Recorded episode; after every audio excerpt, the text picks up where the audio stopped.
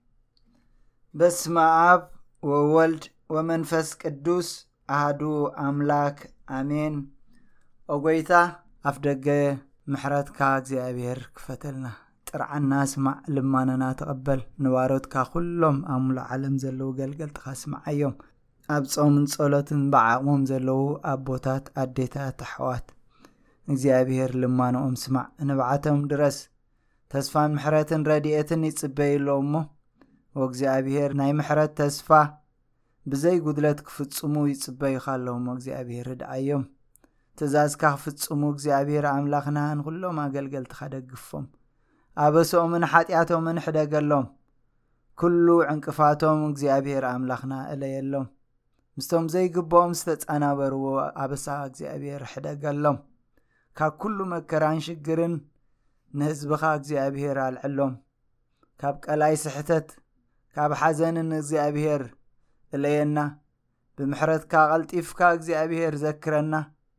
እንሰምዖ ሞት እንሰምዖ ዕንወት እንሰምዖ ኩሉ ብዳዐ እግዚኣብሔር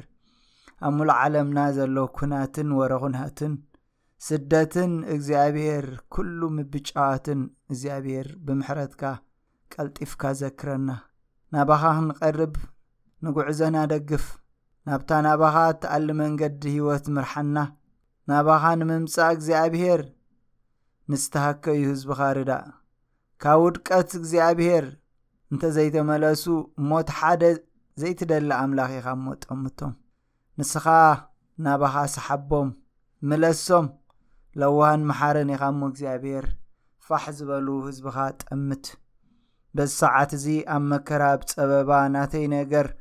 ኢሎም ተስፋ ዝቐበጹ ተስፍኦም ኩን ሓኻይም ዘይከኣልዎ ኣባኻ ፈውሲ ኣሎ እግዚኣብሔር ሰባት ውሽጢ ክርድኡ ዘይከኣሉ እስኻ ናይ መንም ሰብ ናይ ውሽጡ ትርዳእ ኣምላኽ ኢኻ እሞ ርድኣና ርድኣና እግዚኣብሄር ርድኣና እግዚኣብሄር ምሕረትካ ኩሉ ግዜ ከነስተማቕር ብረድኤትካ ንነብር ከም ዘለና እግዚኣብሄር ፈሊጥና ኩሉ ግዜ እግዚኣብሄር ንዓኻ ከነመስግን ንዓኻ ክብሪ ክንህብ ንዓኻ እግዚኣብሄር ኣብ ኩሉ ምእታውና ምውፃና ትእዛዝካ ክንገብር ርድኣና ትእዛዝካ ክንገብር ኣምላኽና ሓግዘና እግዚኣብሔር ኣምላኽና ንስኻ እንተዘይረድእካና ኩሉ ክኸብደና እዩ ኩሉ ኸጸግመና እዩ እግዚኣብሔር ኣምላኽና ሎሚ ግን ናባኻ በዚ ጾምን ጸሎትን ንምህለል ኣለና ስምዓና ሎሚ ግን እግዚኣብሔር ናባኻ ንጠርዕ ኣለና ስምዓና ሎሚ ናባኻ ንምህለል ኣለና እግዚኣብሔር ቁሊሕ በለና ከም ልማድና እግዚኣብሔር ንቓልካ ነንብቦ ኣለና ንቓልካ ንዛረቦ ኣለና እሞ ተግበርቲ ግበረና ተግበርቲ ግበረና ተዛረብቲ ጥራይ ዘይኮነስ ኣብ ቃልካ ኣብ ዝጾምን ጸሎትን እግዚኣብሔር ዝተሰረተ ህይወት ክሳዕ ገጽካ ንጸንሕ እግዚኣብሔር ትእዛዝካ ንፍጹም ሰባት ግበረና ንኣብን ንወልድን መንፈስ ቅዱስን ምስጋና ይኹን ኣሜን ክብርን ምስጋናን ንእግዚኣብሄር ኣምላኽና ይኹን ሎሚ እውን እግዚኣብሄር ብምሕረቱ ኣብ ዝሃበና ሻሙነይቲ መዓልቲ ንርከብ ኣለና እግዚኣብሄር ብምሕረቱ ስለ ዝሃበና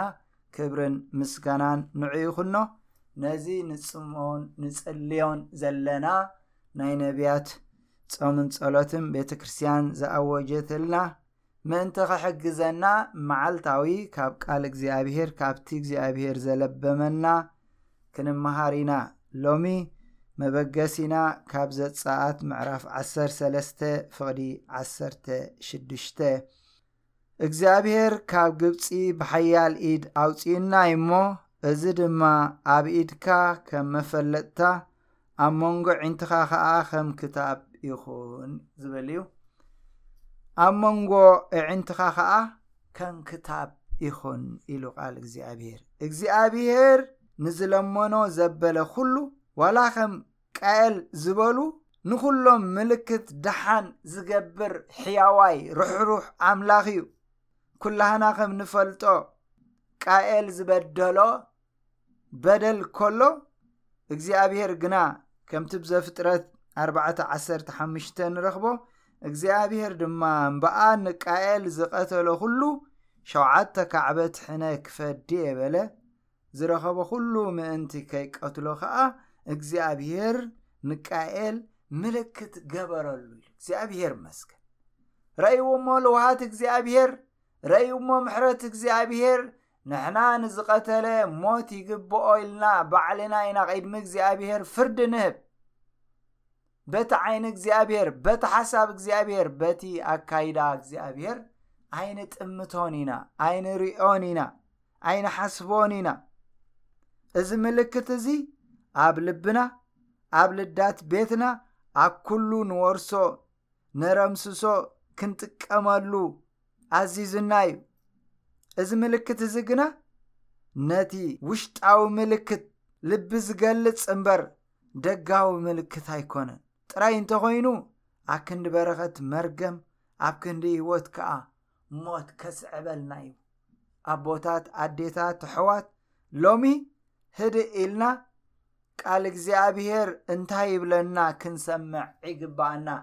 ከምቲ ብ ካልኣይ ጢሞቴዎስ ምዕራፍ ሰለስተ ካብ ሓሙሽተ ክሳብ ሸውዓተ ኢልዎ ዘሎ እቶም መልክዕ ኣምልኾ ዘለዎም መልክዕ እምነት ዘለዎም ኢሉ ኣመንቲ እግዚኣብሄር ይመስሉ ሰዓብቲ እግዚኣብሄር ዝመስሉ ኢሉ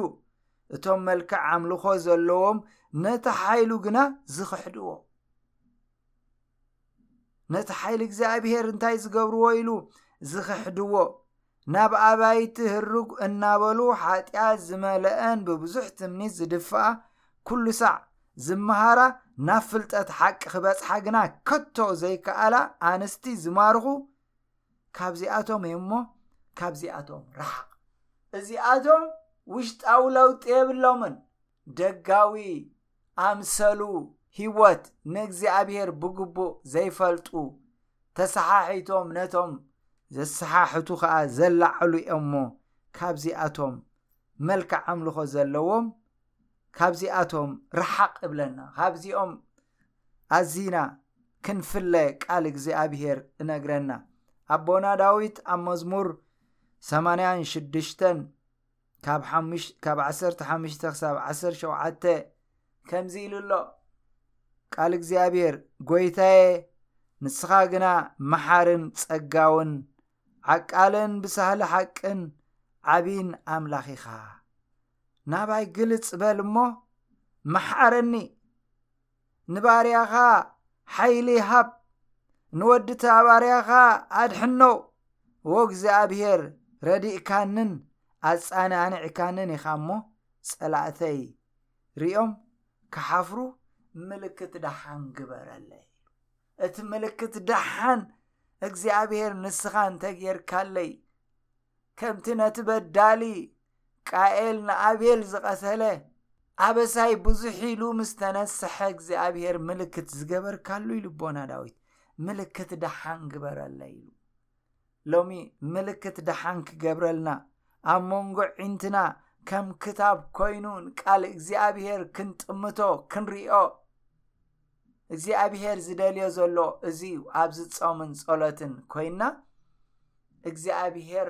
ካብ ምንታይ ክንርሕቕ ይደልየና ኣሎ ካብ ምንታይ ክንጥንቀቕ ይደልየና ኣሎ ኣካይዳና ከመይ ክኸውን ከም ዝግባእ ኣብዛ ዓለም እዚኣ ቀዛፍን ተመሓላፋለፍን ሕማም